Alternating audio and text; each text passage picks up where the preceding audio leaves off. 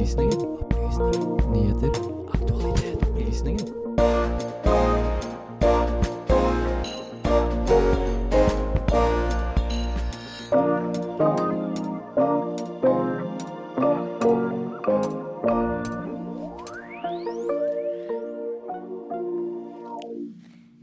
I går gikk nordirene til valgurnene.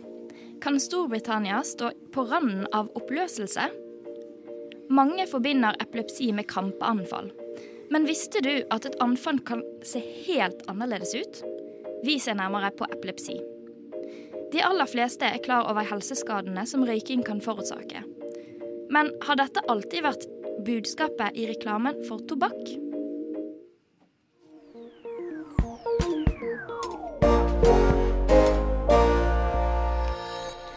Hei og velkommen her på Opplysningen 99,3 på Radio Nova, hvor du òg skal få høre litt gøyale historier om dyr litt seinere i sendingen.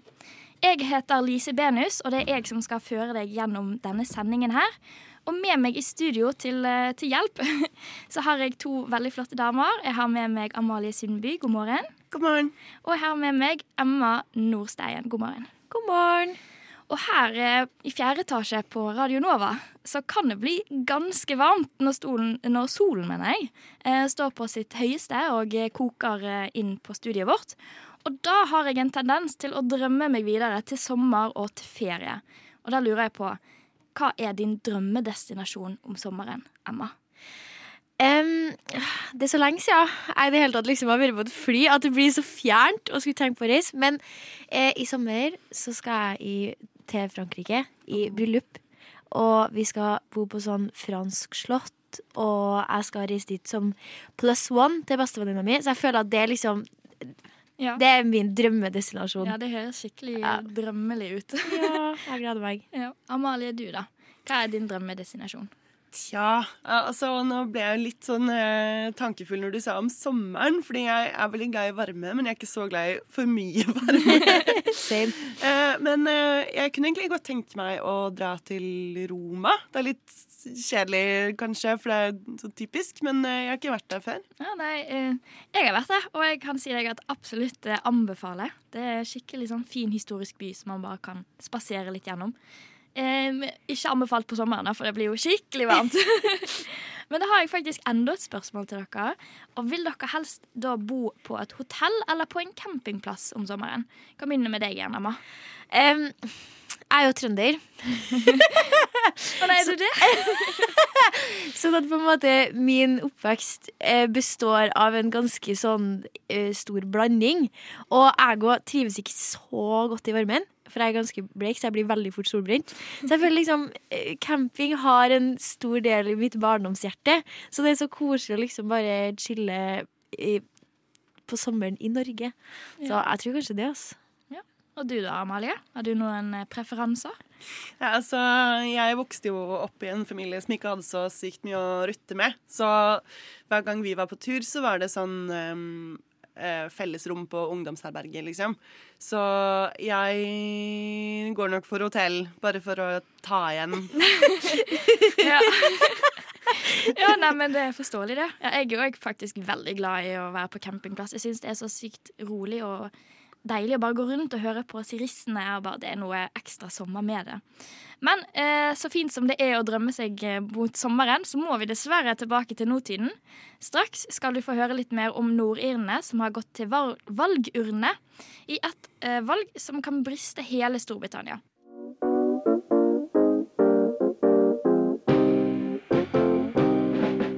Hører på Radio Novas samfunns- og aktualitetsmagasin Opplysningen. Hver fredag fra klokken 10 til 11 på Radio Nova. Opplysningen på Radio Nova.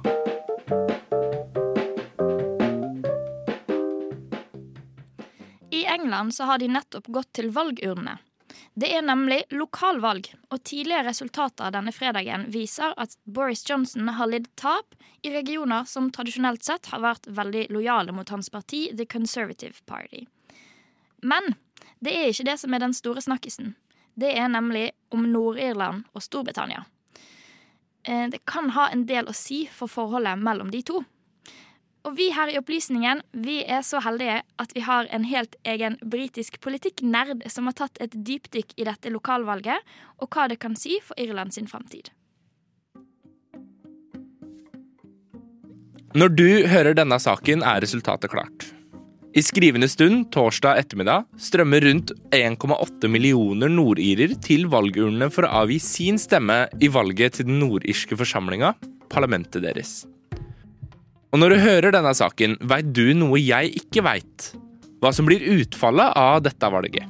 Allikevel velger jeg å lage en sak på et valg som ikke enda er over. Dette virker veldig rart, og tro du meg, det føles veldig rart. Men jeg tror allikevel det er viktig å lage denne saken. Fordi akkurat i dag, akkurat nå, torsdag ettermiddag, virker det som framtida til Storbritannia som en union bestående av England, Skottland, Wales og Nord-Irland er ganske skjør. På lederplass i Aftenposten i dag sto en overskrift som øyeblikkelig fanga oppmerksomheten min. Og som allerede, før jeg hadde lest et eneste ord av artikkelen, førte til utallige spekulasjoner. Elleve ord som lot fantasien springe fritt. Valget i Nord-Irland kan bli et steg mot et samla Irland. Du gjetta riktig. Vi skal snakke om muligheten for et samla Irland. En nordirsk exit fra unionen. Men jeg skal ikke spekulere aleine. For tilfeldighetene ville ha det til at min kollega Daniel Johansen akkurat i dag, akkurat den dagen jeg leste denne lederen, skulle møte noen som kunne hjelpe oss inn i konflikten. Okay, so I'm Pippa Carrera. I'm political editor of the Daily Mirror, which is one of the UK's biggest selling newspapers. It's a red top tabloid.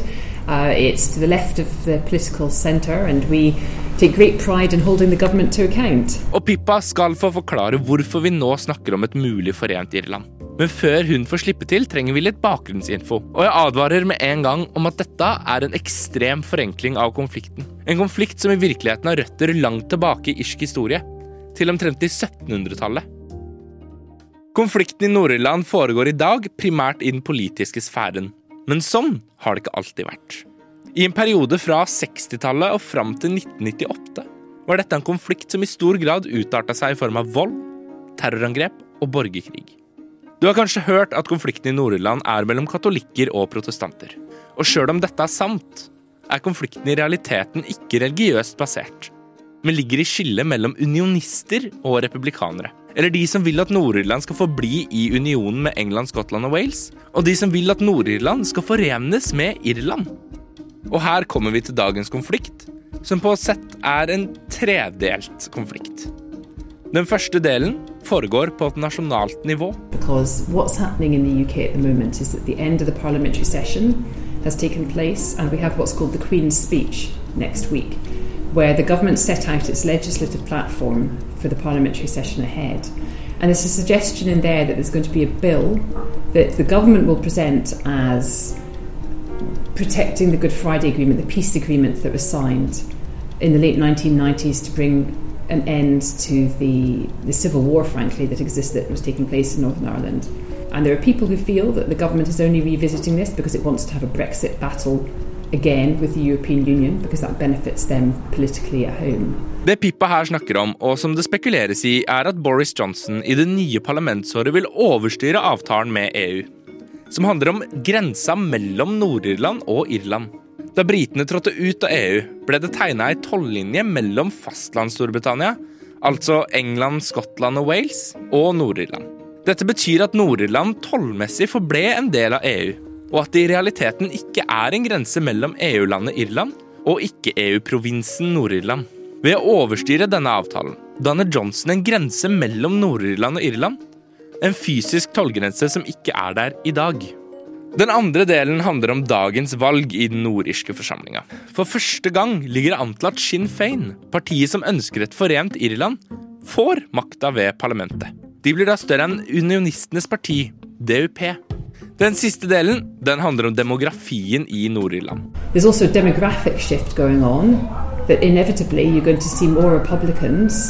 Pro reunification with the rest of Ireland over time than those who are against it because the population is changing. Dersom vi ser på disse tre delene sammen, så ser vi at det er en god grobunn for et sterkere Sinn Fein. Et Sinn Fein som kan styre Nord-Irland videre. Og dette er viktig, fordi det kan føre til at irene forlater Storbritannia. Blir Sinn Fein det største partiet, kan de kreve en folkeavstemning om å forlate Storbritannia. Og med en økende republikansk grasrot kan dette bli en folkeavstemning. Der siden som ønsker å forlate unionen, vinner. Fortsetter trenden med en økning av republikanske tendenser i Nord-Irland. Kan Sinn Fein få nok mandater ved neste valg i 2025? Og de kan dermed få makta de behøver for å fremme et forslag om folkeavstemning. Erik Mustad, som er Nord-Irland-ekspert, sier til Aftenposten at han tror det kan være snakk om et forent Irland innen ti år.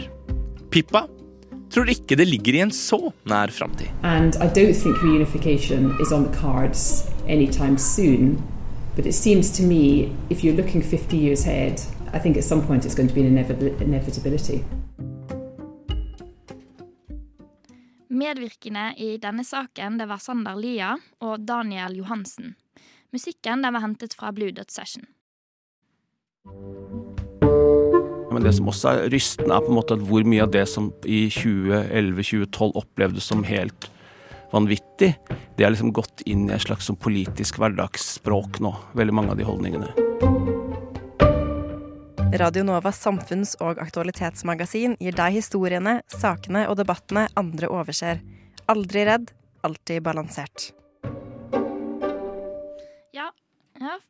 fordi eh, her i opplysningen så skal vi gi deg samfunn og aktualitet.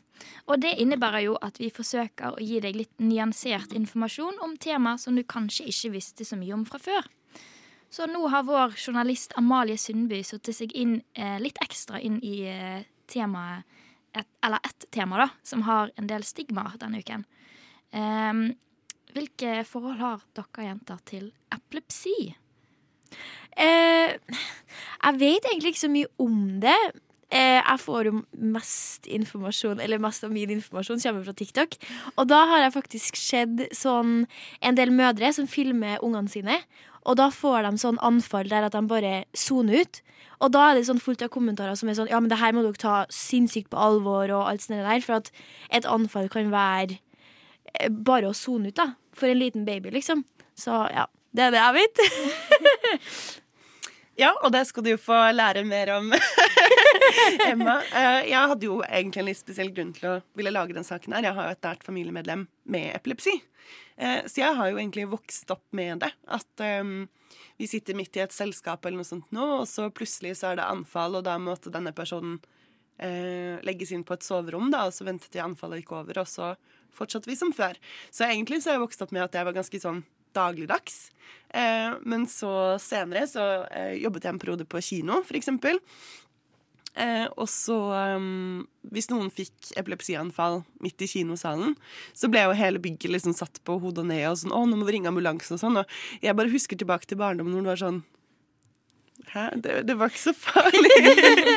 men eh, men eh, ja, vi får litt grann tips av han eh, legen som jeg har snakket med i innslaget om hva vi skal gjøre hvis vi blir vitne til epilepsianfall, men også litt hvordan det kan se ut. For du har helt rett, Emma. Det kan være epilepsianfall. TikTok har ikke bare fake news. Ja. Men da kan vi rett og slett bare ta en liten hør på saken din, da, Amalie. Nakken vris til venstre. Hender og føtter stivner til. Øynene er vidåpne. Det kommer et skrik. Pasienten mister bevisstheten, og det kommer fråde. Dette er et tegn fra måneguden.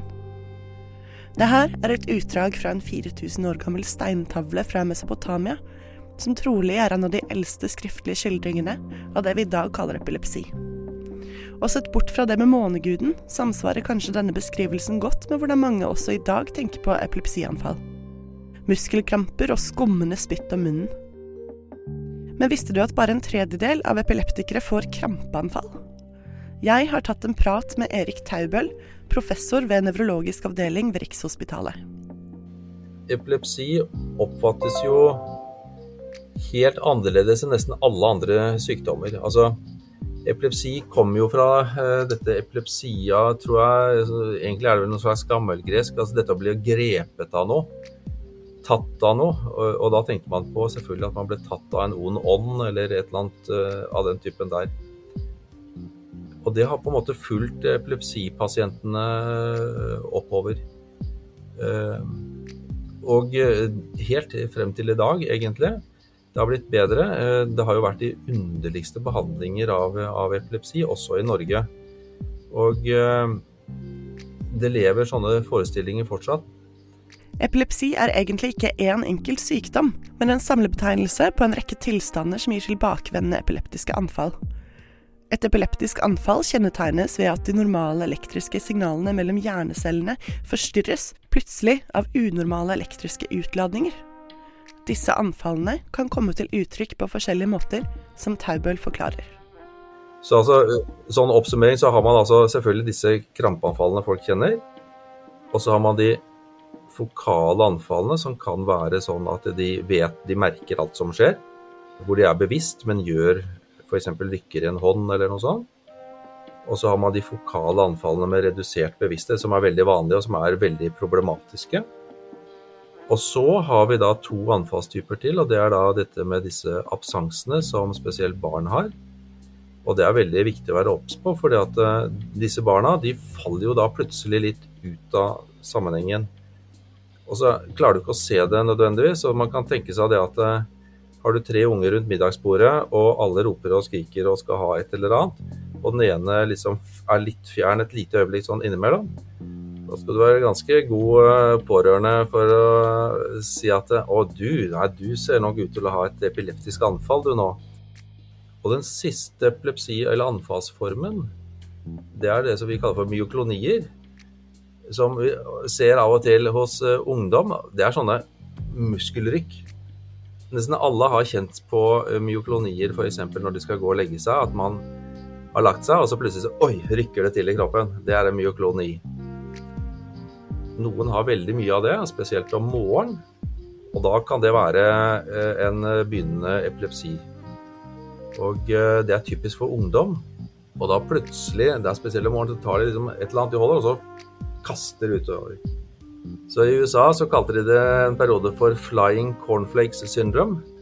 Fordi at det var om morgenen, tok de cornflakesen, og så tjo. Spesielt disse fokale anfallene kan være vanskelig for den uinnvidde å gjenkjenne som epilepsi, noe flere av Taubøls pasienter har fått kjenne på. Sånn at den forvirringen er, er, et problem. Og vi hadde en annen også, som en, en ung dame som eh, ble fraværende, gjorde forskjellige snåle ting. Eh, og eh, problemet var at hun av og til sa ord og ting som ikke hun burde si. Så hun trente på treningsstudio og ble da kastet ut av det ene studioet etter det andre fordi hun hadde snakket til folk og gått rundt. Og det var veldig bra sagt, syns jeg. En pasient som kom her og sa det at han hadde et skikkelig anfall sånn i snitt en gang i måneden, og det betyr at han er ganske dårlig. Og så sier han da at men hør her, det betyr jo at jeg, jeg er syk én time i året. Og det ødelegger livet mitt. Epileptiske anfall kan oppleves som pinlige, men de kan også være farlige. Mange epileptikere har f.eks. ikke lov til å kjøre bil i fall de får anfall midt i trafikken. Taubøl forteller at mange må ta vurderinger på om de kan utføre aktiviteter som de fleste av oss tar for gitt, som å sykle en tur eller dra og bade. Jeg hadde akkurat i dag faktisk på kontoret en pasient som fortalte om at hun hadde sjeldne sånne Det var riktignok mer sånn krampeanfall.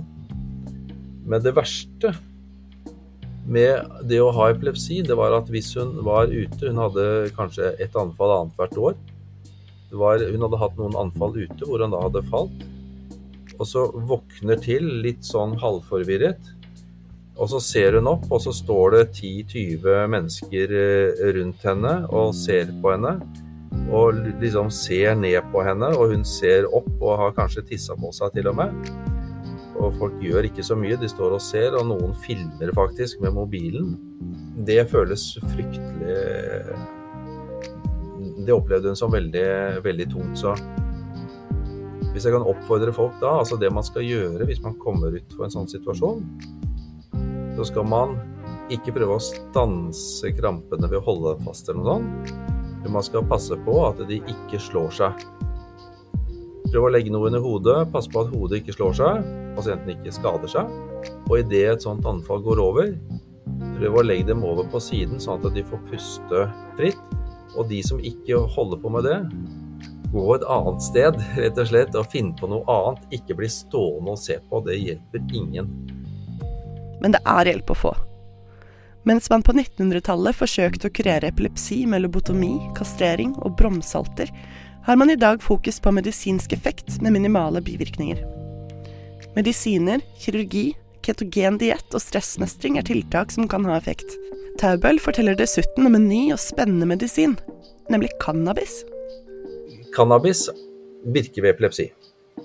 Men cannabis, det er jo Det er ikke så lett å bare si at nå kan alle begynne med det, men hvis man tar stoffet Altså, cannabis består av veldig mange forskjellige kjemiske substanser. Og man har det som heter THC, tetrahydrocannabinoid, som er altså THC, som er liksom det litt rusfremkallende, ikke sant, som folk bruker. Og så er det noe som heter cannabidiol, som er en av disse variantene inne i preparatet, kan du si, som ikke har denne avhengighetsskapende effekten. Og det, når man klarer å rendyrke det, så er det tydelig at det også har en effekt ved forskjellige epilepsisyndromer, og er nå godkjent for noen syndromer.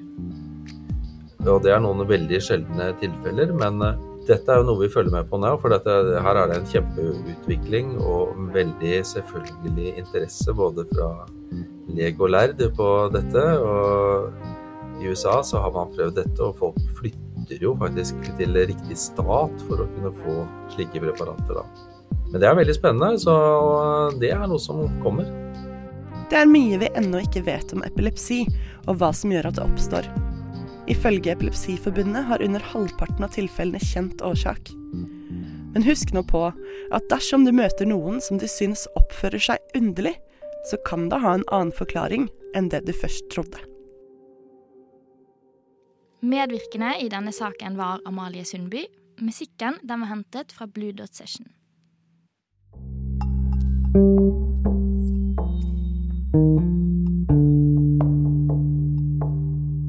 And this is insane. I've never seen this in any other country. Never in my life.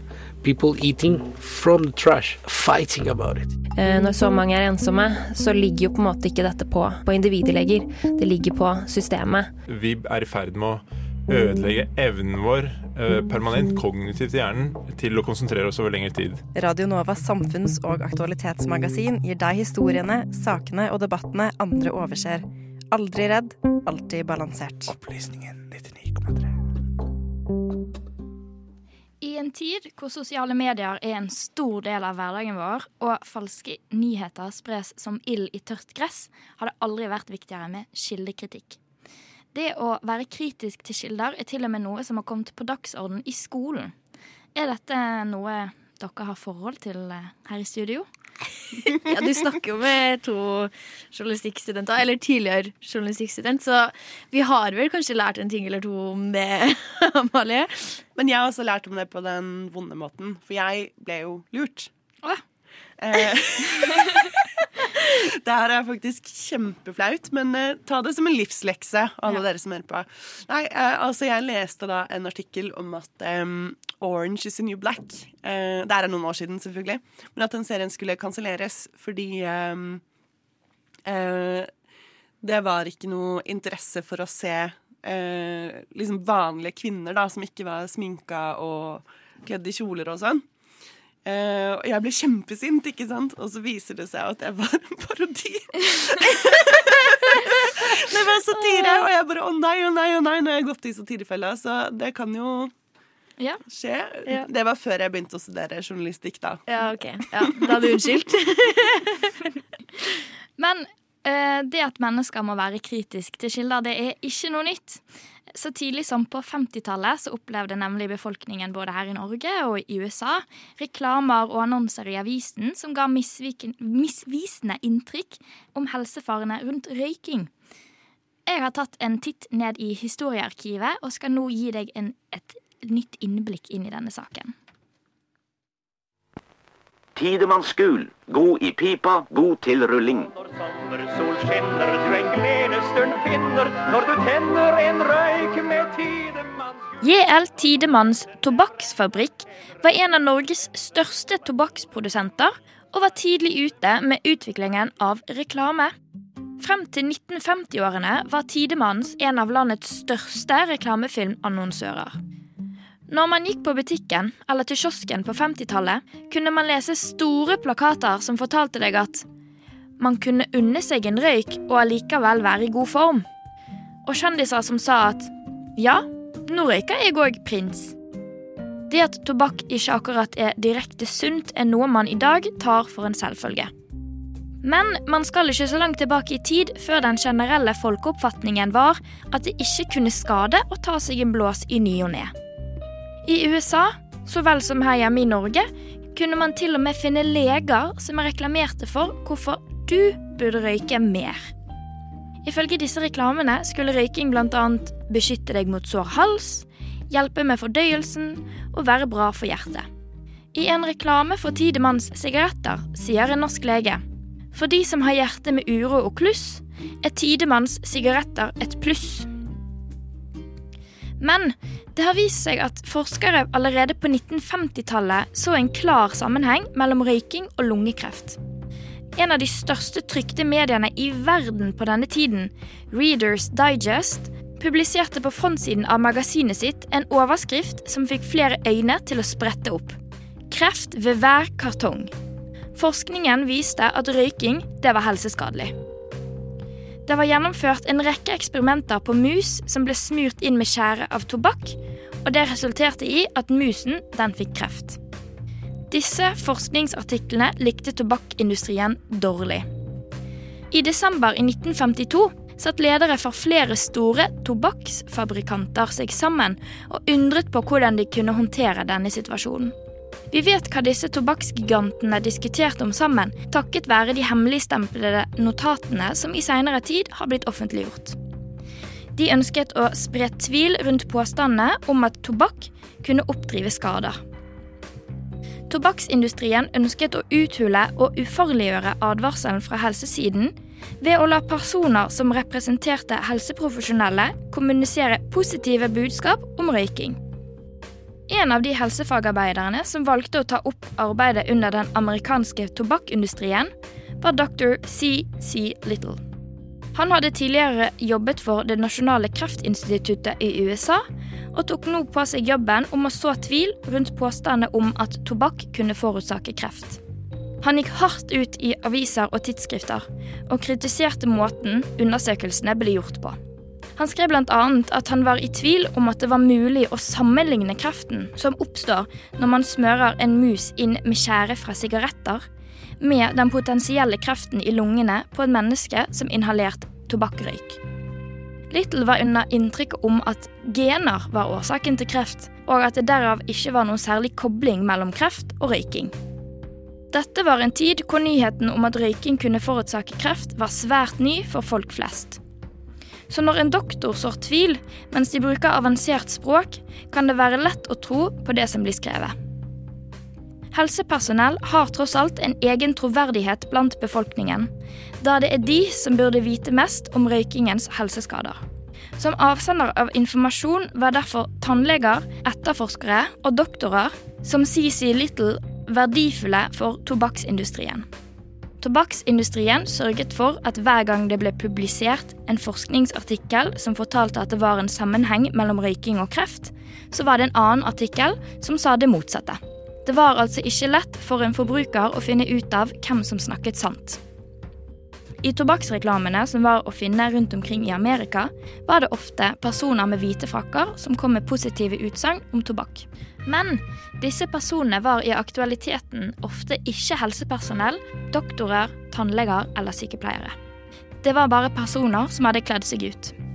Det var ikke spesielt utbredt å bruke leger eller helseprofesjonelle direkte i reklamen for tobakk i Norge. Her ble det derimot brukt ord som friskt, forfriskende og naturlig i reklamen for å skape et inntrykk om at tobakk var et ufarlig naturprodukt. Blant folket i Norge steg antall røykere fra 1920-tallet opp mot 1970-tallet. Da de første nasjonale undersøkelsene av folks røykevaner ble utført på 1970-tallet, viste det seg at rundt 40% av den norske befolkningen røykte daglig. Det er forskning som viser til at tobakksreklame øker rekrutteringen for røyking, øker hvor mye som blir røyket, utsetter røykeslutt og fører til et tidligere tilbakefall for personer som har sluttet å røyke. I 1975 ble tobakksloven innført. Tobakksloven omfattet bl.a. et forbud mot tobakksreklame, aldersgrense på tobakksvarer og påbud om merking på tobakksvarer med advarsel om helsefare. Effekten av denne loven, i tillegg til generell kunnskapsøkning i befolkningen, førte til at antall røykere har sunket jevnt og trutt siden 1970-tallet. I 2021 var antall som røykte daglig i Norge gått ned fra 40% til 8% Tobakksrelaterte dødsfall har fulgt en lignende kurve nedover, men med 30 års etterslep. Det vil si at andelen dødsfall grunnet røyking blant menn var på sitt høyeste rundt årtusenskiftet. Men det betyr òg at vi fortsatt ikke har sett det totale bildet av konsekvensene som den misvisende tobakksreklamen har påført samfunnet vårt. For til hyggestunden hører en god tobakk. Medvirkende i denne saken det var Lise Benus. Lyd det var hentet fra Norsk Folkemuseum, og musikken var hentet fra Bluedo Session. Men nå skal vi straks over til et litt mer muntert tema. Du, Sander? Ja? Hvorfor har du blitt så smart i det siste? Jeg vet ikke, jeg har spist epler og havregrøt. Og så har jeg hørt på opplysningen, da. På Radio Nova. Den eh, jingelen der får, meg alt, får alltid et smil eh, på munnen eh, min, i alle fall. Eh, og nå skal vi eh, gjøre alle der ute litt smartere, for vi skal snakke om dyr. Og da mer spesifikt om dyr i strid. For i forrige uke så hadde TV 2 eh, sin nettavis en litt spesiell sak. Det sto nemlig der at Russland skal ha trent opp militære delfiner. De skal da være utplassert i Svartehavet for å beskytte Russland sin marinebase. Det er blitt tatt satellittbilder eh, fra USA eh, som viste at det finnes to delfininnhegninger. Og ble, de ble plassert der i februar, da Russland invaderte Ukraina. Disse delfinene skal angivelig være trent opp til å finne miner i vannet. Men det skal òg forhindre ukrainske spesialoperasjoner fra eh, å infiltrere havnen. For det er nemlig sånn at krigsskipene som står der, de er ute av rekkevidden eh, til ukrainske missiler.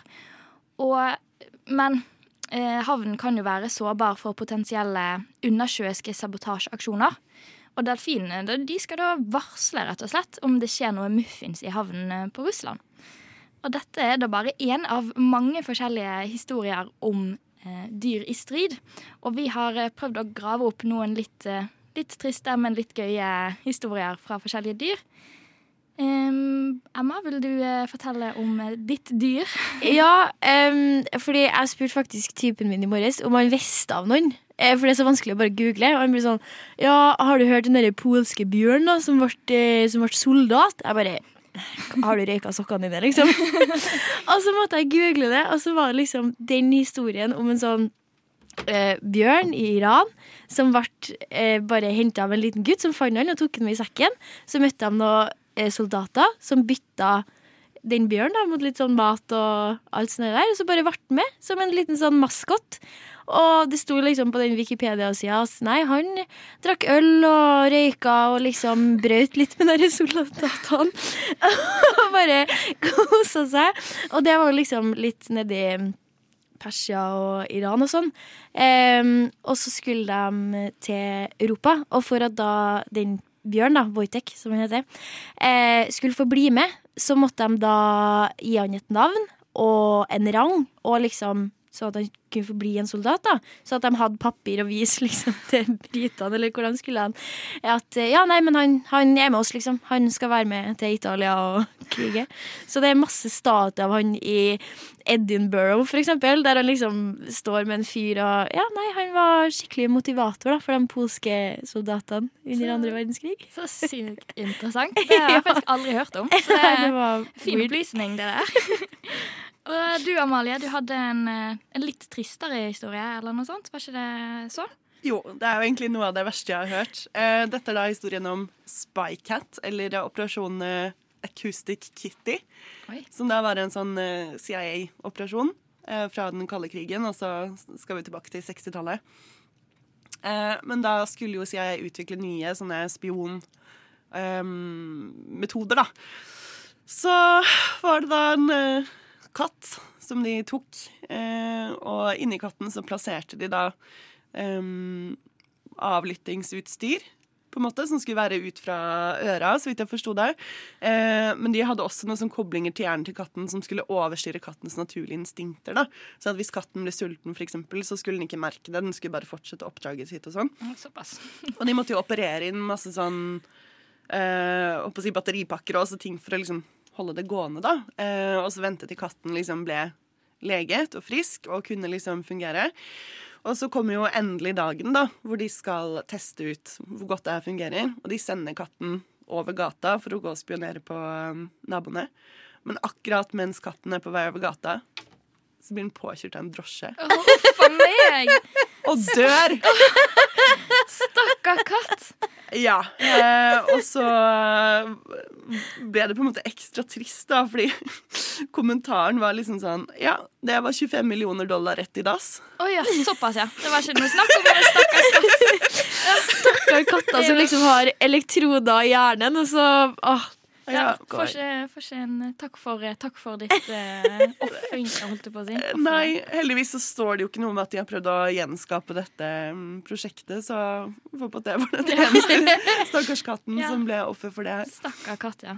Nei, de, de der hjemme som har katter, kan kanskje ta og klappe katten sin en ekstra gang for denne stakkars katten. Vet du Mm. navnet på den katten, eller sto det bare ingenting? Eh, Nei, det står ikke hva den heter. Eh, Den har bare blitt kalt enten Spy Cat eller eh, Acoustic Kitty. Ja, ok, jeg skjønner. Nei, Stakkars katt som måtte ofre alt for eh, CIA sitt eh, oppdrag om spionasje. Nei, men Bertil, da? Ja? Har du glemt å høre den siste episoden av Opplysningen på Radio Nova?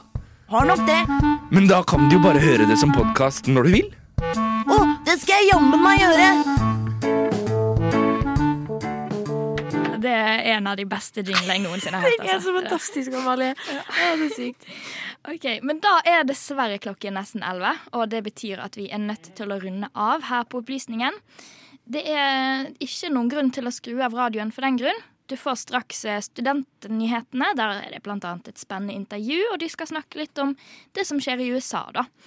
Men eh, dere jenter, da. Når vi er ferdige her i studio, hva planer har dere for eh, helgen, Emma? Jeg skal eh, rett på biblioteket og øve på eksamen. Eh, og irritere meg ekstremt over dårlig skrevet pensum. Ja. ja, Det høres ut som eh, helgeplanet til en del studenter der ute. Yes. Ja. Og du, Amalie? Jeg har pynta meg i dag. Ja, Veldig fin kjole på deg. Takk, takk. Ja, jeg skal rett på id-feiring eh, med skolen min. Ja, Det høres eh, litt koseligere ut enn eh, Emma sine helgeplaner. da. Jeg skulle gjerne bytta, men Ja. eh, jeg, jeg har òg intensjoner om å lese til eksamen, men vi får se hvor mye ja, jeg gidder det, da. Det er fint vær, og for første gang på veldig lenge så har jeg ingen planer i helgen, så det er fort mulig at jeg rett og slett bare setter meg opp på takterrassen der jeg bor, og legger meg i solen og leser bok. Det frister kanskje litt mer. Men medvirkende i denne sendingen det har vært Sander Lia og Daniel Nordtømme. Eh, tekniker det var eh, kjære Karl Magnus. Takk til deg. I studio med meg så har jeg hatt Amalie Sundby og um, Emma Nordsteien. Mitt navn det er Lise Benus.